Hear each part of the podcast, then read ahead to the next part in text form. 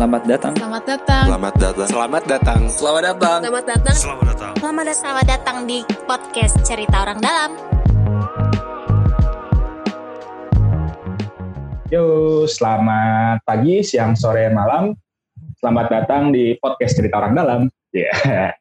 Kali ini akhirnya kembali lagi ya setelah dibajak beberapa kali oleh Bapak Angga gitu kan podcast ini kan. Akhirnya kita tahta kita kembali lagi. Iya. gitu kan. Saya Nobi bareng sama teman saya ini. Yeah. Farel ya. Farel. Akhirnya kita kembali lagi ya menguasai podcast ini sebagai Iya. host. Kita udah host untuk beberapa puluh episode tapi diambil untuk beberapa episode ya. Iya. Tapi yang ngeselin adalah kalau kita yang jadi podcaster kok nggak terkenal ya. Pokoknya pas dari momen-momen yang ini eh, Mas Angga nih terkenal. Nah kita lagi ngebahas satu akan ngebahas ini nih. Apa nih? Kita akan ngebahas apa Rel?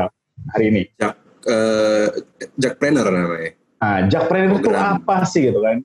Apa sih itu? Eh, sempat Kalau kan dulu sempat familiar sama campaign jargon tuh yang gini-gini. Ya, Oke oke oke. oke oke. Nah, apa hubungannya oke oke dengan Jackpreneur, PKT dan segala macam. Nah, kan sempat ramai juga ya soal oke oke. Ada bahasan gitu mungkin ada wali kota atau bupati yang di pilkada yang mau meniru oke oke. Nah, sebenarnya oke oke itu gimana? Atau Jackpreneur itu gimana? Ada ya? Nggak pernah denger. Ada, ada. Saya nggak sebutin Dikenalin. nggak enak lah. Kenalin dulu dong ini yang ngomong.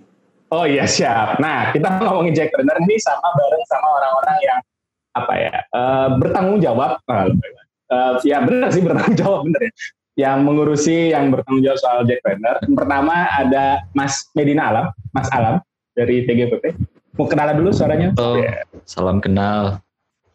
Ya, tes tes. Eh, ya, bukan. Assalamualaikum warahmatullahi wabarakatuh. Waalaikumsalam. Waalaikumsalam warahmatullahi Ya, salam kenal semua. Saya Alam. Siap. Ya. Nah itu sudah ada suaranya. Satu lagi siapa Rel? Ya Bu, Manggilnya Bu doang. Dikenalin dong. kan Bu Sarasnya yang kenalin sendiri. Iya. Siap siap. Oh iya baik. Ya, aku eh, Saraswati dipanggilnya Saras. Eh, saya di eh, bertugas di ini ya resmi ya. Eh, bertugas di Biro Perekonomian dan Keuangan Setda Oh. Provinsi DKI Jakarta. Oke. Nah ini. Eh bantuin Mas. Alam sih sehari. Siap. Pak Salam banyak yang bantuin ya kayaknya. Iya. Pokoknya idenya Mas Alam semua. Wow. Nah, cambung tuh. Sudah dikatakan bahwa Iya. ide, Lanjut, lanjut. Semua idenya udah disebut ya. Jadi kita langsung Iya. nanya aja sih. eh, Jadi Jack Planner sama OKOC sama gak sih? Apa beda atau apa nih dari yang punya ide nih? ah ya tuh. Tadi katanya yang punya ide kan Mas Alam. Iya, Mas Alam. Berasal dari alam. Oh, berasal dari alam. Malah nggak lucu lagi. Berasal dari Berbahaya sekali. Langsung deh. Langsung kita. Iya ya. Oke. pertanyaan ini saya di Eh, ini saya agak agak unstable nih si Iya. internet saya. Tapi saya lanjut aja ya kali. Ini salah satu Ya, gimana tadi provider yang ada pertanyaannya? di Apa ini. perbedaannya? Tadi Rel, diulang lagi Rel. Jadi, unstable tadi. Jack Planner itu apa sih sebenarnya? saya, aduh, saya di kantor terus. Aduh, dikomenin tuh. Tuh, Sarah sudah backgroundnya kantor. Iya. Jadi nanya lagi nih, Jack Planner itu sebenarnya apa sih? Ya, bedanya dengan OKOC. Dan bedanya dengan OKOC apa? Oke, bedanya dengan OKOC apa? Simpel sekali ya pertanyaannya. Tapi mungkin ini kita bercerita nih kalau misalkan Hmm. mau ngejawab Ah, soal itu. Ah. Dan nanti mungkin Bu Saras juga bisa nambahin ya. Eh, ini sebenarnya back di tahun berapa? Tahun 2017 begitu ya. Bahkan eh, ketika Pak Anies masih mencalonkan diri sebagai calon gubernur DKI Jakarta, eh, OKOC ini menjadi salah satu program utama ya yang digaungkan eh, pasangan Pak Sandi dan Pak Anies Baswedan di tahun 2017 dan pada akhirnya terpilih alhamdulillah jadi gubernur dan wakil gubernur. Eh, dan program itu berjalan ya terus sampai tahun 2018 eh, dan alhamdulillah apa namanya dimanifestasikan jadi suatu kebijakan. Eh, nah kebijakan ini sebenarnya diambil mungkin nyambung aja ya. Tadi soalnya ada beberapa pertanyaan juga soal OKOC, soal PKT juga. Nah itu apa sih sebenarnya tiga hal itu? Nah, sebenarnya OKOC ini gerakan masyarakatnya One Kecamatan One uh, Center of Entrepreneurship. Jadi intinya untuk penciptaan wirausaha baru yang Prof DKI Jakarta sendiri kita menargetkan uh, 200 ribu wirausaha baru sampai tahun 2022 uh, dan apa namanya terciptanya DKI Jakarta. Nah sebenarnya untuk OKOC ini masih terus berjalan, masih terus berjalan gitu. Karena sebenarnya ini ini uh, eh, OKOC ini adalah suatu gerakan masyarakat. Bahkan OKOC ini tidak hanya bergerak di Jakarta aja, bahkan di seluruh Indonesia. Apa namanya di kabupaten lain, di provinsi lain pun gerakan OKOC ini sangat masif sekali. Dan OKOC ini uh, ada penggeraknya juga terkhususnya gitu ya. Hmm. Mereka penggerak-penggerak oh. yang langsung Berarti jatuhnya uh, udah di luar wirasa Indonesia. Di luar Pemprov sendiri atau gimana? Nah, sebenarnya itu kan gerakannya. Nah, jadi uh, kita ber apa namanya berkolaborasi dengan uh, gerakan OC ini gitu. Jadi terimplementasikan hmm. menjadi suatu gerakan di tahun 2018 uh, dalam sebuah pergub disahkannya ya kebijakan peraturan gubernurnya itu namanya program uh, kewirausahaan terpadu PKT ini. PKT. Nah, jadi OKOC jadi itu, itu udah, udah ada dengan nama PKT waktu itu. Hmm. OKOC terus ada, OKOC terus ada sampai sekarang pun ada gitu.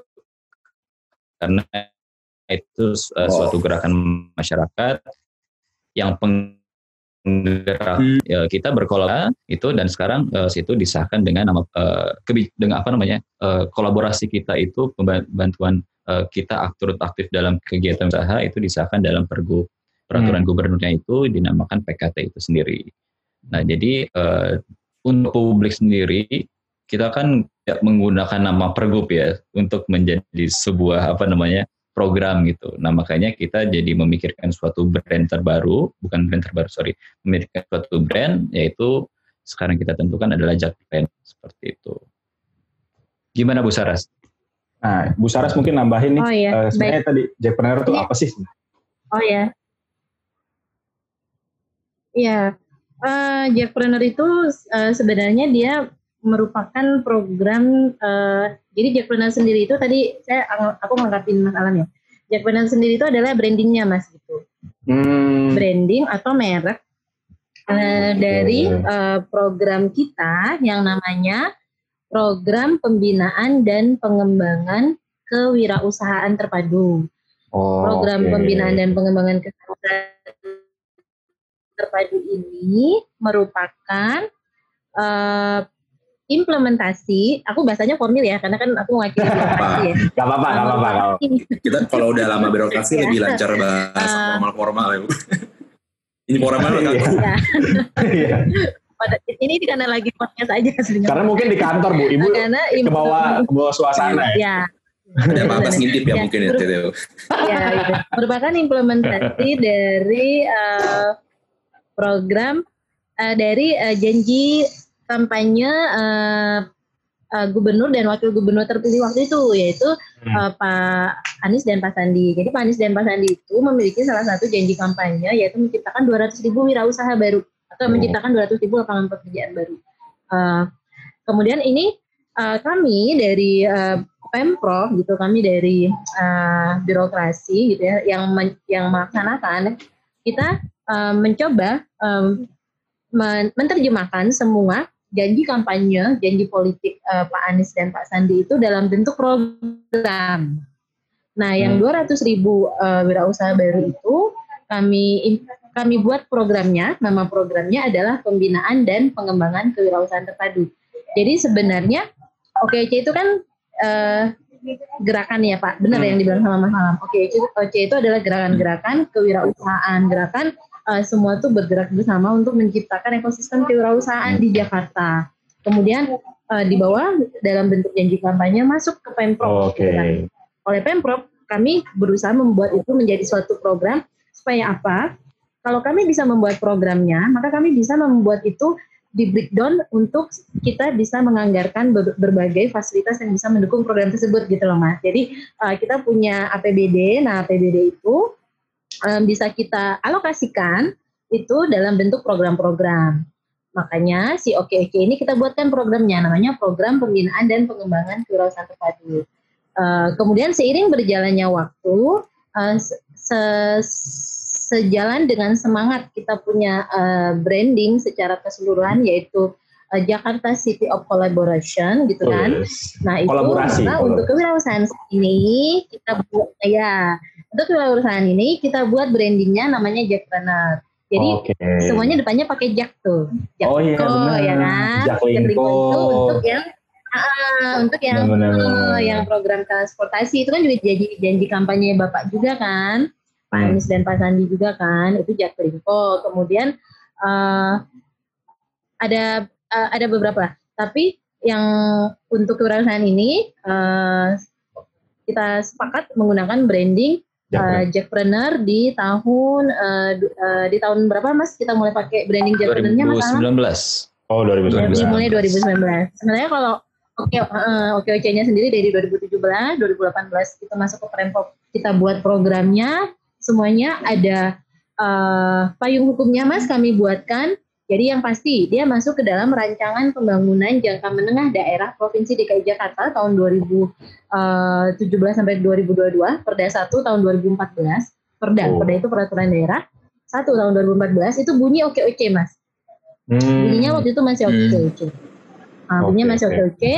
Eh, kemudian da- dari situ dari eh, kita kan nggak bisa kita harus membuat program itu yang eh, bisa kita laksanakan gitu ya. Eh, Hmm. nomenklaturnya dan sebagainya. Nah, Hmm. kemudian kita uh, ejawantahkan nomenklaturnya seperti apa nih yang kita bisa nganggar-nganggarin gitu kan. Makanya kita buat namanya pembinaan dan pengembangan kewirausahaan terpadu. Kami buatkan dari turunan perda tersebut, kita buatkan perbuknya mas, peraturan gubernur. Hmm. Eh, perbuk, Oke. eh, perbuk berapa mas? Alam, karena udah ganti bapak. Yang baru Perbuk satu 2000 Saya, saya udah saya udah nunggu. nih. 2018. Oh, 2018. Oke Ya. Orang yang nyusun tuh Mas Alam sama saya loh, tapi banyak kan masalah-masalah. Saya 30 Waduh, ini beneran yang punya. Biasanya Eh, ini. seluruh SKPD. Iya. Kita banyak. Siap, Kita siap. ngerapatin doang ya Mas Alam ya. Tapi bikinnya bareng. lanjut lanjut Saras. ya. Pergub. 102 tahun 2018 2018. tentang eh, pembinaan dan pengembangan kewirausahaan. Oke.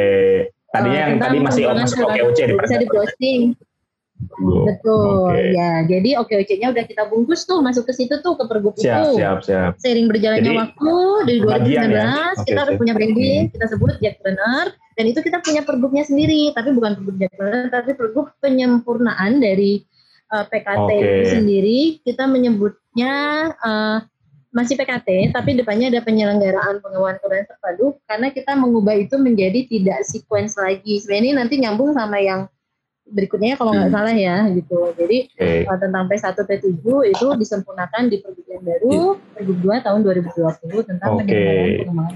Baru mau nanya Jadi OKOC-nya yang semua bedanya? OKOC-nya Iya, OKOC-nya masih jalan Mas Eh, di tapi OKOC itu merupakan bagian Oh ya. Dari Jadi program itu bagian dari ini ya, lah ya. bergabung gitu. Hmm. Nah, oh, Bagian jadi dari dijelasin, jadi program dijelasin untuk- semua ini bu. bagian dari ekosistem kewirausahaan lah. Siap, siap, siap, Itu sih kira-kira. siap, siap, siap. Bener ya Mas Alam ya, ini aku selalu harus cek ke Mas Alam karena Mas Alam yang ini lanjut Bu, lanjut. tanya tajam. Ya, ya. Dalam juga ya, luar biasa. betul, betul, ya, lanjut, Ya, ya, ya. betul. Lanjut nih, eh, tadi kan sempat googling ya, sempat ngecek ya eh, soal Jackpreneur gitu di situsnya. Itu ada ada beberapa poin tuh, ada ada pelatihan, pendampingan, perizinan, pemasaran, sama pelaporan keuangan dan fasilitas permodalan. Itu apa sih sebenarnya mungkin bisa dijelasin kira-kira tadi soal Jackpreneur nih, kira-kira ada apa aja tadi tadi sudah saya sebutin. Nah itu sebenarnya ngapain aja sih sebenarnya? Jadi jackpreneur ini sebenarnya apa sih gitu? Nah, Kalau tadi kan itu mungkin iya, iya. eh, latar belakangnya. ya. Tadi kita mungkin sekarang lagi membahas ininya nih, Ya. apa namanya? Yang dibantuin tuh apa aja sih sebenarnya? Silakan Mas Alam. Betul, betul. Oke. Ya, Nah, sebenarnya kebijakan ini diambil dari eh, kebijakan ini diambil apa namanya? permasalahan-permasalahan real yang terjadi di kalangan wirausahawan ya. Khususnya eh, rekan-rekan yang usaha mikro kecil dan menengah. Mhm. Uh, jadi setelah uh, sebelum apa namanya kebijakan diambil di tahun 2018 ya kita juga melakukan survei dan analisis juga kalau ternyata beberapa hal itu perlu kita dorong uh, Hmm. khususnya di uh, sektor yang UMKM. Jadi Hmm. beberapa keluhan-keluhannya, keluhan-keluhannya adalah uh, orang-orang ini bukan orang-orang sorry uh, pengusaha-pengusaha ini khususnya UMKM mereka tuh butuh uh, meningkatkan kapasitas mereka Hmm. kapasitas usaha mereka. Nah, peningkatan kapasitas apa sih? eh, Input-input dari mereka itu bermacam ragam sekali. Nah, salah satunya itu eh, mengembangkan diri dari skill mereka. Jadi mereka butuh pelatihan nih, entah dari pelatihannya itu secara hard skillnya, misalkan dari yang eh, usaha dagang makan minum gitu ya, eh, latihan membuat makanan seperti apa, packaging seperti apa, lalu dilatih juga dari sisi apa namanya soft skillnya gitu cara mereka berdagang lalu cara mereka apa namanya berkomunikasi dengan eh, apa namanya dengan pembelinya gitu ya Hmm. dan cara mereka membranding eh, eh, penjual eh, membranding produknya itu jadi Hmm. salah satu concern mereka yang ingin mereka tingkatkan Hmm. nah itu jadi eh, lalu salah satunya eh, salah satunya juga eh, mereka itu kebanyakan mengeluhkan kalau butuhnya modal gitu Oh, Oke. modal usaha itu sangat sulit, sangat sulit, sangat sulit karena mereka em, eh, pada awalnya mereka membut beberapa gitu ya, beberapa membutuhkan modal untuk bisa mulai usahanya, memulai atau mengembangkan eh, produksi dari usahanya sendiri. Nah, dilihat dari situ eh, kita mengambil keputusan untuk eh, mengambil kebijakan untuk memberi fasilitas-fasilitas yang Hmm. harapannya sih, harapannya bisa eh, meningkatkan kapasitas usaha mereka. Jadi kita timbul dengan dan dibantu juga ya dengan rekan-rekan yang apa namanya penggerak OKOC untuk mengkonsepkan eh, kita timbul dengan konsep tujuh pas namanya. Jadi eh, tujuh tujuh Oh. tahapan Apa yang aja kita tuh? sediakan sebagai fasilitas nih. Yang pertama harus daftar dulu. Jadi kita eh, daftar, betul harus daftar dulu. Nah, maksudnya dilatih gitu Kalau nggak daftar nggak bisa dibantu ya.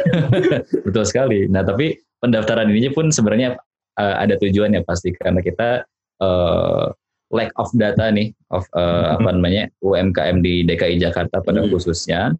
Jadi Ya, kita ya, ya. harapannya dengan orang-orang rekan-rekan pengusaha ini mendaftar, kita bisa tahu nih kondisi asli uh, pedagang-pedagang UMKM di DKI Jakarta itu berapa banyak sih dan mereka tuh Hmm. perkembangan usahanya seperti apa. Jadi kita harapkan mereka uh, daftar dulu, terus mereka pilih mau uh, daftarnya itu mau apa namanya fasilitas apa saja seperti itu ya. Lalu kondisi keuangan mereka seperti sekarang, uh, input apa namanya kondisi usaha mereka sekarang seperti apa, usaha mereka apa. Nah itu kita harap Hmm. mereka bisa daftar dulu nih di awal. Kalau Hmm. misalkan sudah daftar, mereka bisa dapat fasilitas. Nah, tadi kan sempat di state eh, sama Bu Saras ya. Di Hmm. tahun 2018 sama 2019 kita ada evaluasi nih. Nah, tadi evaluasinya mungkin saya sedikit jelasin juga eh, evaluasi mendasarnya itu di konsep dasarnya. Jadi eh, pada awalnya di tahun 2018 eh, konsepnya ini disiapkan secara sekuensial. Maksudnya dari tujuh fasilitas ini mereka adalah syarat bersyarat. Jadi untuk satu tahap ke Hmm. tahap selanjutnya harus eh, diikuti Harus semuanya. tahap awal tuh ya. Iya. Betul. Jadi habis mungkin- pendaftaran orang nggak bisa langsung funding gitu. Betul. Jadi udah bisa langsung dapat modal gitu. Modal Jadi tuh raja terakhir. Step by nih. step harus diikutin. raja terakhir. Betul sekali. Jadi kayak misalnya nih orang yang cuma pengen Nah. izin, Mm-mm. terus dia udah sebenarnya udah establish, daftar dia harus ikut Hmm. pelatihan dulu, penyuluhan, padahal Hmm. sebenarnya dia bisa jadi lebih pinter gitu ya dari mereka. Oke. Betul sekali. Jadi tahapannya dulu tuh harus daftar, lalu setelah daftar wajib ikut pelatihan, setelah eh, ikut pelatihan wajib ikut pendampingan, lalu wajib mendapatkan perizinan, lalu Hmm. wajib eh, mengikuti apa namanya eh, apa bu yang lima tuh? Kok saya jadi lupa? Tadi saya baca lagi. ya. Eh, Yang lima tuh uh, sorry, pemasaran. pemasaran, pemasaran. Oke. Lalu keenam harus eh, melaporkan keuangannya, lalu Oke. tahap yang terakhir baru bisa mendapatkan modal, bisa mendapatkan Ini- akses modal ya. Nah, seperti itu. Jadi wajib Ini kayak semuanya itu tu- wajib. tujuh langkah mujur 2018. gitu ya. Betul. nah, di tahun 2019 eh, kita coba evaluasi program ya. Jadi di setiap tahun eh, mendekati eh, apa namanya di tahun selanjutnya kita lakukan evaluasi dan akan seperti itu di setiap tahunnya. kita melihat kalau konsep ini jadi salah satu hambatan juga malah gitu.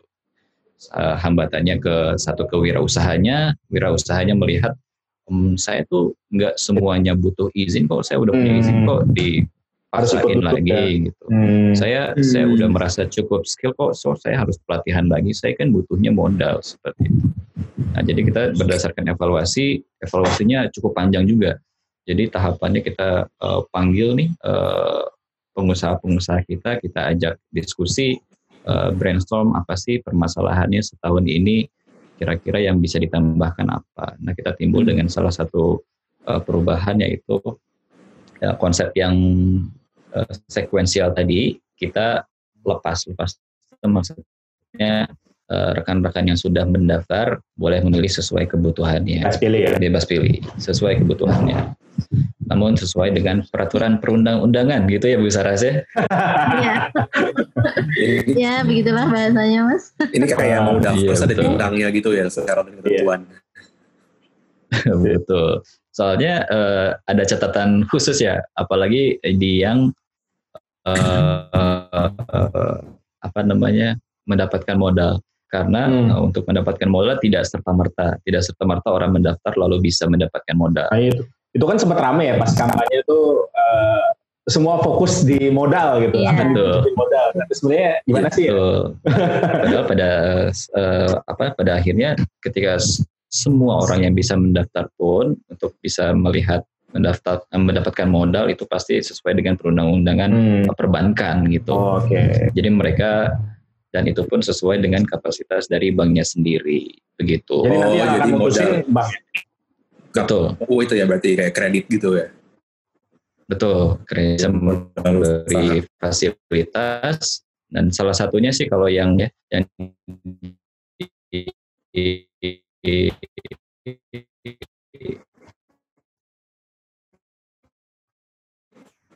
beri rekomendasi bisa mendapatkan kredit dengan apa namanya dengan bunga lebih rendah dan persyaratan yang lebih mudah dengan Oke. um, mendaftar seperti itu.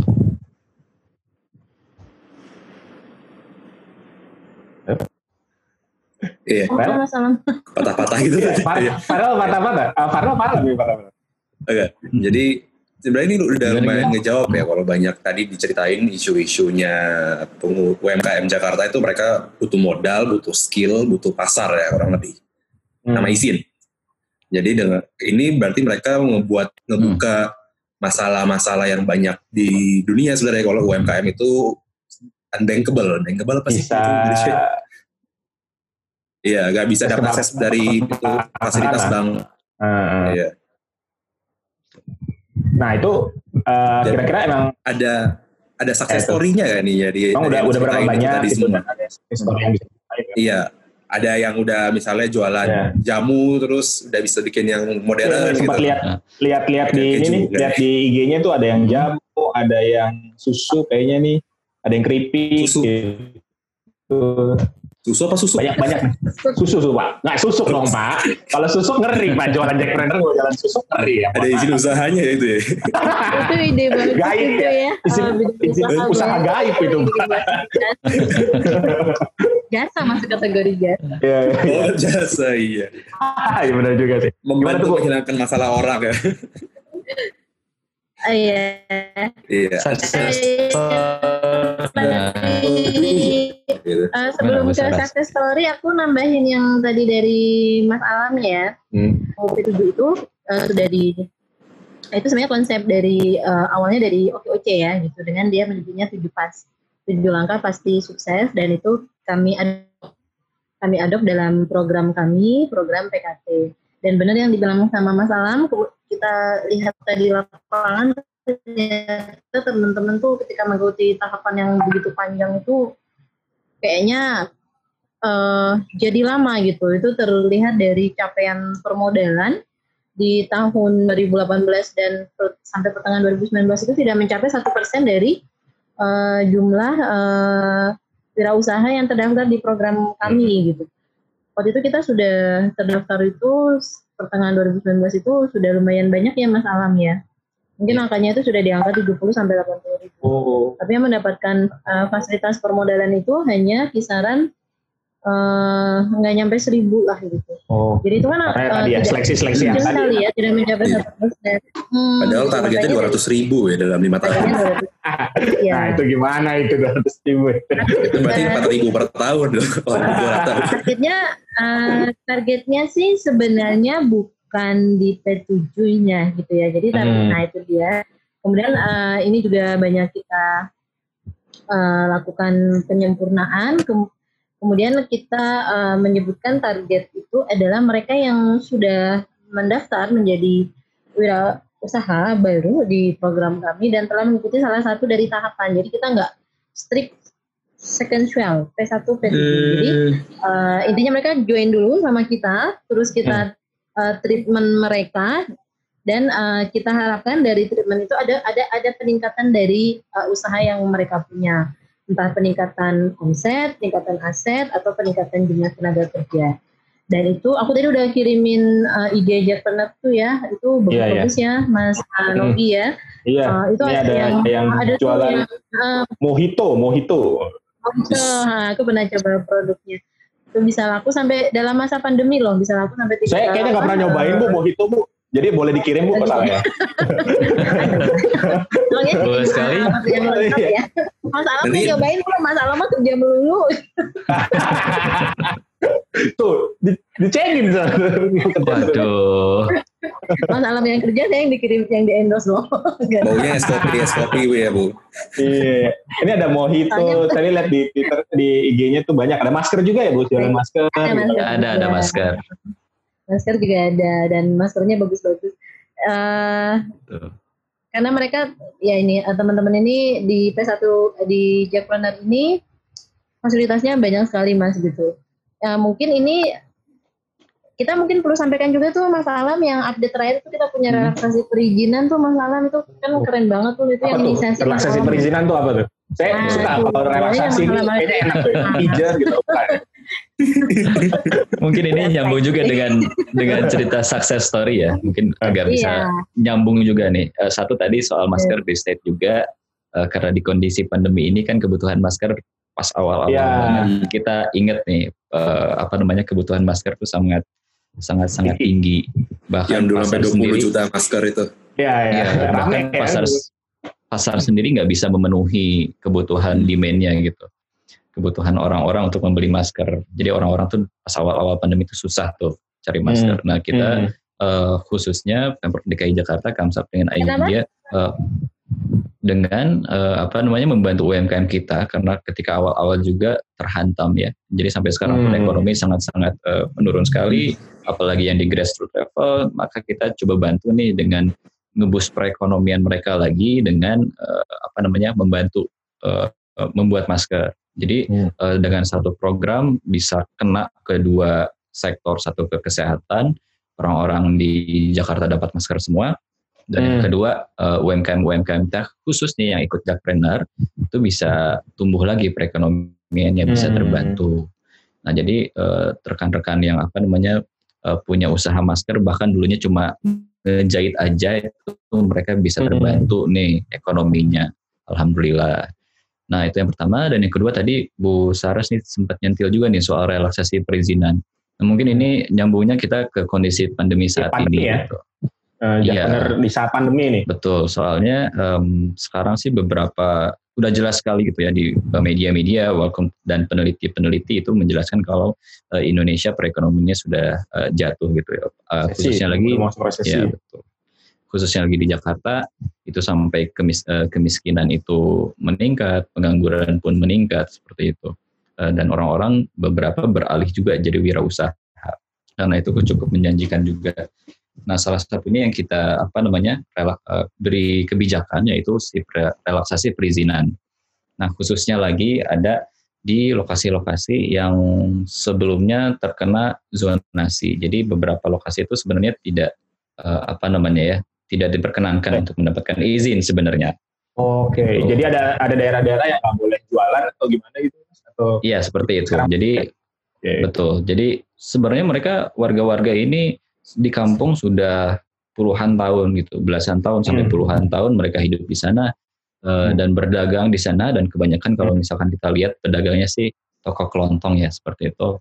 Hmm. Nah mereka itu ketika kita diskusi mereka nggak punya perizinan sama sekali, mereka nggak punya izin, eh, mereka sangat sulit mendapatkan akses bantuan dari pemerintah khususnya khusus bantuan ekonomi gitu ya karena mereka sendiri nggak memiliki perizinannya. Nah di sini eh, dibantu dengan dinas eh, PTSP DKI Jakarta melakukan relaksasi. Jadi eh, rekan-rekan yang sebelumnya nggak punya izin nih, yang terkendala nih eh, untuk mendapatkan izin, sekarang kita langsung kasih izin semuanya gitu. Yang harapannya dengan relaksasi perizinan ini eh, bisa ngeboost ekonomi mereka, bisa eh, meningkatkan perekonomian mereka, meningkatkan usaha mereka. Jadi eh, success story-nya lagi sekali lagi eh, kita ketika kita lihat ada rekan-rekan yang di kampung kita berizin, Hmm. nah mereka menyambut itu dengan baik dan mereka langsung berinisiatif untuk eh, ke bank gitu karena mereka beberapa Oh. Uh, uh, Hmm. ada beberapa uh, mereka yang butuh uh, modal sebenarnya, tapi salah satu syarat dari mendapatkan modal adalah perizinan. izin usaha ya. Betul. Jadi dari kita memberikan relaksasi perizinan, mereka jadi punya akses juga nih ke permodalan. Seperti itu. Jadi izin fung- fungsi utama izinnya ini mereka untuk dapat bank ya berarti ya akses ke bank. Ya, salah satunya Terus- itu dan hmm, hmm, Sebelumnya belum ada ya. sebelumnya belum ada. Oh atau gimana? tuh? izin izin Oh, UMKM. Oh, izin UMKM ini sebenarnya udah ada eh, pada awalnya. Nah, jadi ini salah satu kebijakan juga yang diambil di tahun 2018. Jadi sebelumnya izin usaha itu eh, hanya mencakup sampai yang menengah aja nih, menengah ke atas. Nah, yang mikro kecil kita belum punya. Oh. Nah, di, di tahun 2018 kita eh, dibuat regulasi, Pemprov DKI Jakarta buat regulasi kalau eh, membuat izin usaha mikro kecil IUMK namanya. Nah, ini IUMK. khusus lagi. Hmm. Jadi ini untuk eh, memberikan eh, akses perizinan kepada usahanya modalkan usahanya dan dari itu bisa mendapatkan akses-akses bantuan dari pemerintah mungkin dari pemerintah daerah ataupun pemerintah pusat. Oke. Kayaknya pernah ada kayak launchingnya bukan sih ya? Kalau nggak salah Hmm. tuh sempat beberapa bulan, Ba- atau ah, beberapa baru minggu kayak- yang lalu ya. Baru ya, baru. Kalau nggak salah ada Baru. launching. Juga Mas Nobi tuh launching Ya. apa uh, link launchingnya di YouTube. Oh siap. Ya. Wah di Baru dua YouTube mana, Bu? minggu, dua minggu yang Apa? lalu ya kalau nggak salah. Oh, Iya, dua minggu yang lalu ya? Heeh. Dua minggu yang lalu. uh, yang nonton lebih dari 7.000 orang ya, Mas Alam ya. Mantap. Keren, Udah kayak kan? konser ya, Bu. Udah kayak konser. Konser Itu mengharu virtual ya Virtual catatannya ya. virtual tuh bener-bener mengharu biru banget loh. Oh siap, siap. Karena emang ya tadi mereka lagi kesulitan, mereka lagi ya terhantam dengan pandemi, tiba-tiba ada ada bantuan nih soal izin. Iya, betul. Hmm. Wah, Nggak, cuma buat permodalan juga sebenarnya. Jadi eh IOMK ini sebelum ada relaksasi itu sudah ada mas gitu. Cuma pertumbuhannya itu tidak signifikan ya mas Alam ya. Oke. Ya. Jadi dari Januari sampai Juli di 2020 itu baru sekitar 6.000 tuh izin usaha mikro kecil yang kita terbitkan. Ketika kita mulai relaksasi dari bulan Juli Hmm. uh, sampai dengan uh, kita uh, buat launchingnya itu uh, di bulan September ya Mas Hmm, Alam ya, Dua minggu yang lalu ya. itu ya, uh, itu sudah terbit lebih dari 40 ribu izin Mas. Uh, hanya dalam ya. waktu banget. Dan itu seperti yang tadi dibilang Mas Alam jadi tadinya kan orang kalau ngajuin izin tuh harus uh, mengaj- entah datang ke PTSP Ah, penanaman uh, dinas apa unit unit Penanaman. layanan Layanan terpadu atau satu dia mendaftar melalui Jak Evo uh, Ah. link untuk perizinan gitu secara online. Nah ini enggak nih ini uh, dari Mas Alam dan teman-teman bantu kita uh, Mas Alam lagi nih. Masa Idenya semua dari Mas Alam, Mas Alam. berasal dari Alam. ya ininya Mas Alam. Mas Alam Uh, memberikan ide untuk kita jemput aja gitu melalui si Ajib. Jadi antar jemput izin bermotor ini yang mendatangi para Oh. UMKM tersebut dan itu diurus izinnya di tempat Mas. Hmm, oh, dia datang ya. Hmm, si Ajibnya ini uh, mendatangi ada 200 Ajib di Jakarta. Jadi Ajib ini sebenarnya melayani hampir semuanya mas. Jadi selama ini tuh orang kalau mengajukan perizinan itu kan bisa datang langsung, bisa hmm. online, bisa juga dia nelpon call center untuk kalau oh, bekasnya sudah oh, banyak ya. Sama Ajib. Itu berlaku hmm. untuk semua jenis perizinan di Jakarta. Nah untuk UMK ini kan masyarakat kecil yang tidak terlalu paham ya gitu. Jadi uh, kita, uh, dari masalah memberikan ide tersebut ya udah dari Ajib dieksekusi oleh PTSP dieksekusi Ajibnya kita kerahkan 200 orang itu untuk uh, turun langsung ke UMKM UMKM tersebut dan itu juga tidak sporadis ya Mas ya gitu jadi kita hmm. sudah punya datanya uh, bisa dilihat tuh di jackpreneur.jakarta.go.id hmm. Jadi kalau misalnya nanya target 200 ribu, oh kita nggak takut ya Mas Alam ya. Hmm. Sudah 154 ribu per hari ini. keren, keren, keren, keren. iya, jadi nggak perlu nunggu 2022 tuh Mas. Berarti ini Bu. Tadi ya, relaksasi tadi ya. Iya. Mas Farel udah nggak perlu kita nunggu 2022. Lu kelar ini. Tahun lalu yang masih apa doang Bu, sekarang sampai 150 ribu gitu loh. Iya, lumayan cepet ya, nah, pendaftarannya cepet ya, karena ya tadi ya, bantuan relaksasi dan segala macamnya. Ah, banyak program-program menarik, hmm. Ah, program menarik dan mungkin situasi pandemi juga mendorong orang untuk uh, lebih menjadi wirausaha. Sepertinya karena uh, dulu kan kebanyakan yang daftar ke kita itu didaftarkan sama pendamping tuh Mas. Nah, pendamping itu, nah ini nih uh, di Jackpreneur ini kita punya bantuan, bala bantuan. Kita menyebutnya adalah para pendamping kewirausahaan. Kita punya 600 orang uh, itu yang membantu para UMKM di Jakarta. Hmm. Nah dulu tuh orang kalau daftar Jackpreneur tuh harus melalui pendamping, didaftarin ke sistem Jackpreneur. Hmm. Sekarang kita jualan sistem nih, jackpreneur.jakarta.go.id bisa dibuka sih gitu Oh ya. itu cara daftarnya ya? Ah, cara daftarnya online gitu ya. Siap, Tapi kan kalau masyarakat kecil kan nggak ngerti tuh ya, jadi didaftarin ah. pendamping ke dalam sistem. Kalau sekarang oh. Eh, semasa pandemi ini pertumbuhan pendaftaran secara mandiri itu sangat signifikan gitu. Makanya di tahun 2020 ini angkanya sudah 150 ribu. Okay. 154 gitu sih kira-kira. Seperti itu. Oke. Okay. Um, lanjut nih, uh, mungkin tadi sempat belum, ya mungkin ada satu produk atau atau satu usaha ya, yang paling diingat, gitu. Iya, yang yang diingat banget sama Mas Alam atau Ibu Saras yang Tiga deh, tiga kan ada seratus lima puluh ribu nih isinya. Mungkin yang paling yang yang paling diingat atau pernah ngeh gitu soal apa nih produk yang atau usaha yang pernah Tadi sih yang yang yang aku kirim IG-nya itu yang mau hito hmm. itu mas itu dia trending tuh dia eh, oh. tiga ribu botol karena, karena udah bulan. karena udah ngirim produknya ke ibu juga ya kayaknya. Ah, enggak sih aku beli. oh beli kok. Iya.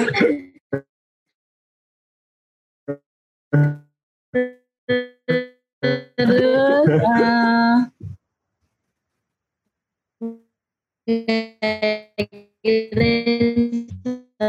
kalau selalu beli. Uh, siap, siap. Benar, di, uh, kita di kita dibudayakan gitu ya untuk uh, uh, tidak menerima masih kan minta khawatirnya gratifikasi dan sebagainya. Uh, ya, jadi, ya, oh, uh, ya, anti korupsi, beberapa, anti korupsi. Uh, beberapa kali juga misalnya dulu-dulu sebelum pandemi ada bazar kita kan suka kayak silakan ah. bu silakan gitu. Ujungnya tetap kita bayar terus UMKM-nya nggak mau jadi kita kayak lempar-lemparan duit. Oh kayak bisa berantem berantem mau bayar. Ah saya bayar yeah. bayar. Kita taruh duit terus kita lari. Itu benar-benar rupiah mas. Jadi kita taruh uangnya terus kita lari. Karena mereka nggak mau nerima dan kitanya juga nggak mau. Di ibarat kata kita nggak bayar gitu lah ini kan UMKM ya kita bantu. Hmm. itu sih kira-kira. Itu mau hito terus yang keren lagi sih uh, ada kayak eti latte ya itu juga bagus tuh. Itu apa kebanyakan sih memang uh, teh. Makanan minuman teh, ya? Uh, minuman uh, minuman. Oh oke okay, oke. Okay. yang banyak kuliner ya? dari seratus lima puluh ribu data yang kita punya itu tujuh puluh persennya itu oh, usahanya cocok makan memang dengan saya bu berarti bu. Kirain sukanya relaksasi bukan makan oh, iya. juga ya? Saya juga cocok yeah, saya suka relaksasi dan makanan uh, banyak sih nanti ini uh, bisa dilihat di IG-nya tuh saya juga punya list gitu ya hmm. teman-teman yang udah lumayan sukses aku nanti bisa kirim datanya ke Mas Nobi katanya kan mau ada lanjutan ya mau ngobrol sama yeah. yang sukses-sukses ini ya Mas ya. Iya, siap, siap, siap. Listnya Mas. Okay. Mau ngobrol pengalaman ikut Jackpreneur kayak gimana? Ya, karena mungkin karena saya juga uh, mau daftar Bu karena saya ada jualan tempe. Oh, masuk. Oh, mantap. Boleh, Masuk, boleh. Coba mana dimasukkan ke layar. Ada di, di situ, ada di situ. Boleh, boleh, boleh. Saya sudah daftar, Jack Planner. Oh, saya sudah daftar. Baru, baru, baru masukin nomor KTP sama nomor KK. Iya. Disuruh, milih lagi kan. Oh, saya udah Jadi daftar. jadi salah satu dari 150 ribu. Iya, saya termasuk dari 150 ribu tuh saya, ada saya. Waduh, Eh, Mas mantap. kita boleh daftar nggak sih Mas? Boleh ya, jadi nambah-nambahin ya Bu ya. Iya. Jadi, jadi isinya 150 ribu tuh kebanyakan ya, berapa persen? DKI lah gitu. Ini Bu Saras kayak ngejar target survei itu ya skripsi. oh iya, iya. Tapi enggak sih, enggak, enggak kita. Aduh. Kalau kami kan ASN ya. ada batasan-batasannya jadi Siap, mungkin kalau masalah siap, boleh siap. ya. Gitu. Waduh, waduh. aduh. Ya, Ini kan ada nanya lagi dok. Ini kan udah lumayan Ada panjang. juga tuh Jadi Mas yang produk baby ya. Ah, Jadi dia punya Hmm. produk Maksudnya aku kan kalau hafalnya produknya ya, kalau misalnya Ah. nama brand sama nama Ah. itu nggak terlalu ingat. Tapi dia eh, dia tuh jualan kayak apa sih namanya tuh kayak hmm, peralatan untuk bayi-bayi gitu. Oh, itu sebelum oke. join sama Jackpreneur itu omsetnya itu mungkin nggak banyak gitu loh. Eh, Ah, ya, tidak men- tidak mencapai katakanlah eh, 5 juta dalam satu tahun. Tapi ah, setelah gabung Jackpreneur, kan Jackpreneur kan kita bantu pemasarannya Hmm. juga ya. oke. Itu dia eh, awal gabung tuh udah Oh. 50 juta Hmm. baru gua Kayak, kayak, kayak pesugihan ya, Bu ya? Jangan-jangan Jackpreneurnya ada Pesugihan ya? kali ya, Mas. Nah, Bu Saras tolong dijelaskan itu. tadi tadi ngomongin susuk, sekarang pesugihan ya, ngeri-ngeri ini. Jasa-jasa gaib ya. Pesugihannya sih program-programnya yang keren-keren itu sih. Siap. Nah, ini benar-benar Mungkin kalau Mas Robi ya. suka makanan nih, ada pempek Ciksni nih cobain nih. Saya sih Nah. pernah cobain waktu itu di Tamrin tadi. Oke. Nah, Tamrinten Mas, Tamrinten itu ada sekitar 11 ya Hmm. masalahnya yang binaan Iya, Jackpreneur ya Mas ya. Hmm. Itu Mas harus ke sana tuh. Oh, sering, sering, sering. Yang Tapi kan lagi pandemi ini sekarang ya.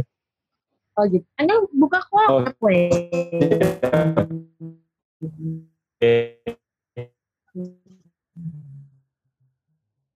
Pertanyaan terakhir nih Bu, Alam, eh, udah panjang Salah durasinya. ngomong Apa ya. sih berikutnya nih? Yang akan kita lihat lagi berikutnya ke depan? nah, itu apa selanjutnya tuh? Bakal ada perubahan lagi kah? Atau ada yang mau ditambah? Atau programnya udah bagus nih Apa sekarang yang gitu? Selanjutnya dari Ini kalau ini masalah nih. Kalau yang yang susah-susah tuh silakan salam. Bu Saras kalau mau ada yang mau itu ya, yang untung-untung pesugihan. saya yang bagian ininya aja lah ngap ini apa melariskan gitu. siap, siap.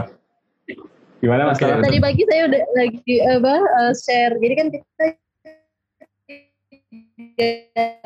ada bazar on eh, kita nggak bisa bikin bazar offline maka di Hmm. kita buat eh, teman-teman itu bisa berjualan dengan bazar online. Tadi pagi aku share tuh ke grup sosialita lah. Oh, oke. Iya, Oh, boleh boleh banyak disebutin juga Bu, bazar online-nya gimana? Bazar online-nya itu eh, jadi teman-teman eh, dari perangkat daerah yang membantu yang melaksanakan Jackpreneur, kita punya enam perangkat daerah ya. Oh ini belum disebutkan nih Mas. Hmm. Eh, enam perangkat daerah yang melaksanakan Jackpreneur itu yang pertama dinas UKM dan perdagangan, dinas perindustrian, perdagangan, koperasi dan UKM, kemudian dinas sosial, kemudian dinas Hmm. tenaga kerja, transmigrasi dan energi, kemudian dinas PPAPP, pemberdayaan Hmm. perlindungan anak, pengendalian penduduk, kemudian Oke. dinas pariwisata dan ekonomi kreatif, eh, dan eh, satu lagi dinas ketahanan pangan, kelautan dan pertanian. Ada lagi dinas Oh. kebudayaan, tapi dia tidak ditarget. Eh, itu jadi sesuai kategori Jackpreneur-nya juga ya? Iya, ah, jadi mereka punya binaan masing-masing. Nah, mereka kita minta untuk membantu UMKM-nya membuat bazar online. Eh, aku Oke. nanti kirim, kirim aja kali ya, gitu Siap, ya, siap, siap, kirim siap. ke Mas Nobi. Eh, Siap, yang siap, hari ini lagi running tuh yang di Sudin PPAPP Jakarta Timur. Mereka jadi Oh, Oke. eh, bikin eh, eh, flyer gitu ya, flyernya itu disebar ke teman-teman gitu kan. Oke, oke. Eh, kemudian Saya eh, ya dari kita untuk kita sih ya. Yang Siap, waktu itu siap. juga ada Sebagai- tuh yang dari eh, Sudin KUKM Jakarta Utara. Mereka bikin kayak Oke. semacam, malah mereka bikin web sendiri loh mas, namanya Bojuku Ya, ya. gitu. siap, siap, siap. Bazar untuk di Jakarta Utara. Oke. Seperti itu sih. Jadi eh, itu itu Oke. lumayan ngebantu. Ya. Lanjut. Ya. Eh, Mas Alam nih tadi apa tadi tanyain Farel terkait apa sih selanjutnya nih? Iya, kalau dari Bu Saras kan udah tentang menambah pemasaran ya. Mhm. Ah, Kalau Oke. dari programnya sendiri ada gak nih? Dari programnya pasti kita nggak nggak cukup puas dengan yang ada sekarang ya. Kita mau Hmm. tingkatkan terus uh, kapasitas kita dan kebijakan-kebijakan lainnya yang bisa diambil. Nah khususnya kalau misalkan contoh di pandemi ini kita uh, bakal ambil langkah-langkah kebijakan cukup banyak nih yang bisa kita apa namanya lihat bareng-bareng nanti. Yang pertama kalau dari sisi kita sih kita akan melakukan pemutakhiran data ya uh, di sektor UMKM di Jakarta karena pendataan ini sangat penting banget nih, krusial buat kita buat nanti uh, di tahun-tahun berikutnya atau nanti uh, atau sekarang untuk mengambil kebijakan sebenarnya. Jadi kita harus benar-benar tahu uh, apa yang dibutuhkan oleh rekan-rekan pengusaha kita di DKI Jakarta. Lalu yang tadi, yang kedua yang udah kita jelaskan juga soal relaksasi izin usaha, uh, itu bisa ada yang satu tahun dan lima tahun. Lalu yang ketiga yang mungkin yang sangat besar sekali kita ada kolaborasi uh, sosial berskala besar. Nah, khususnya di sektor UMKM kita bakal ada paket nih soal donasi, uh, soal sanitasi pangan, ada kolaborasi pelatihan UMKM juga. Lalu ada mungkin insya Allah bakal ada pinjaman lunak juga untuk uh, rekan UMKM kita di Jakarta.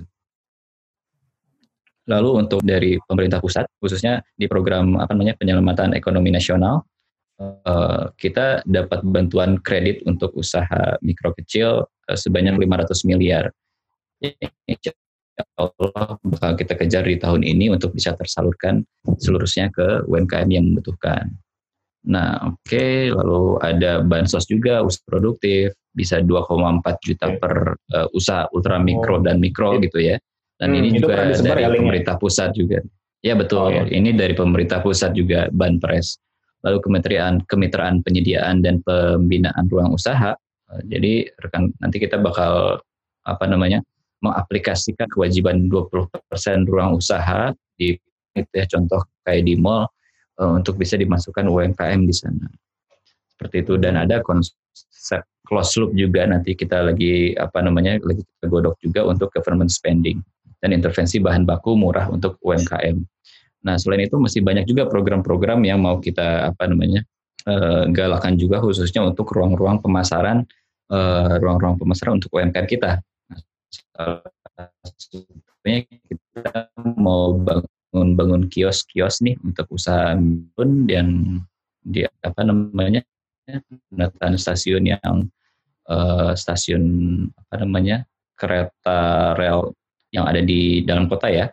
Nah akan kita renovasi, bakal kita uh, perbaiki khususnya di uh, UMKM juga dan PKL-PKL-nya kita bisa uh, berdagang di sana dengan desain-desain yang menarik nanti. Karena kayak rame kan stasiun Tebet gitu dan segala macam kan lumayan rame ya. Nah, iya insya Allah salah satunya stasiun Tebet juga tuh, stasiun Tebet dekat kantor saya di Gondang Dia gitu ya, itu insya Allah bakal di uh, perbaiki oh, juga. Siap, siap. Kantornya di mana sih, Mas?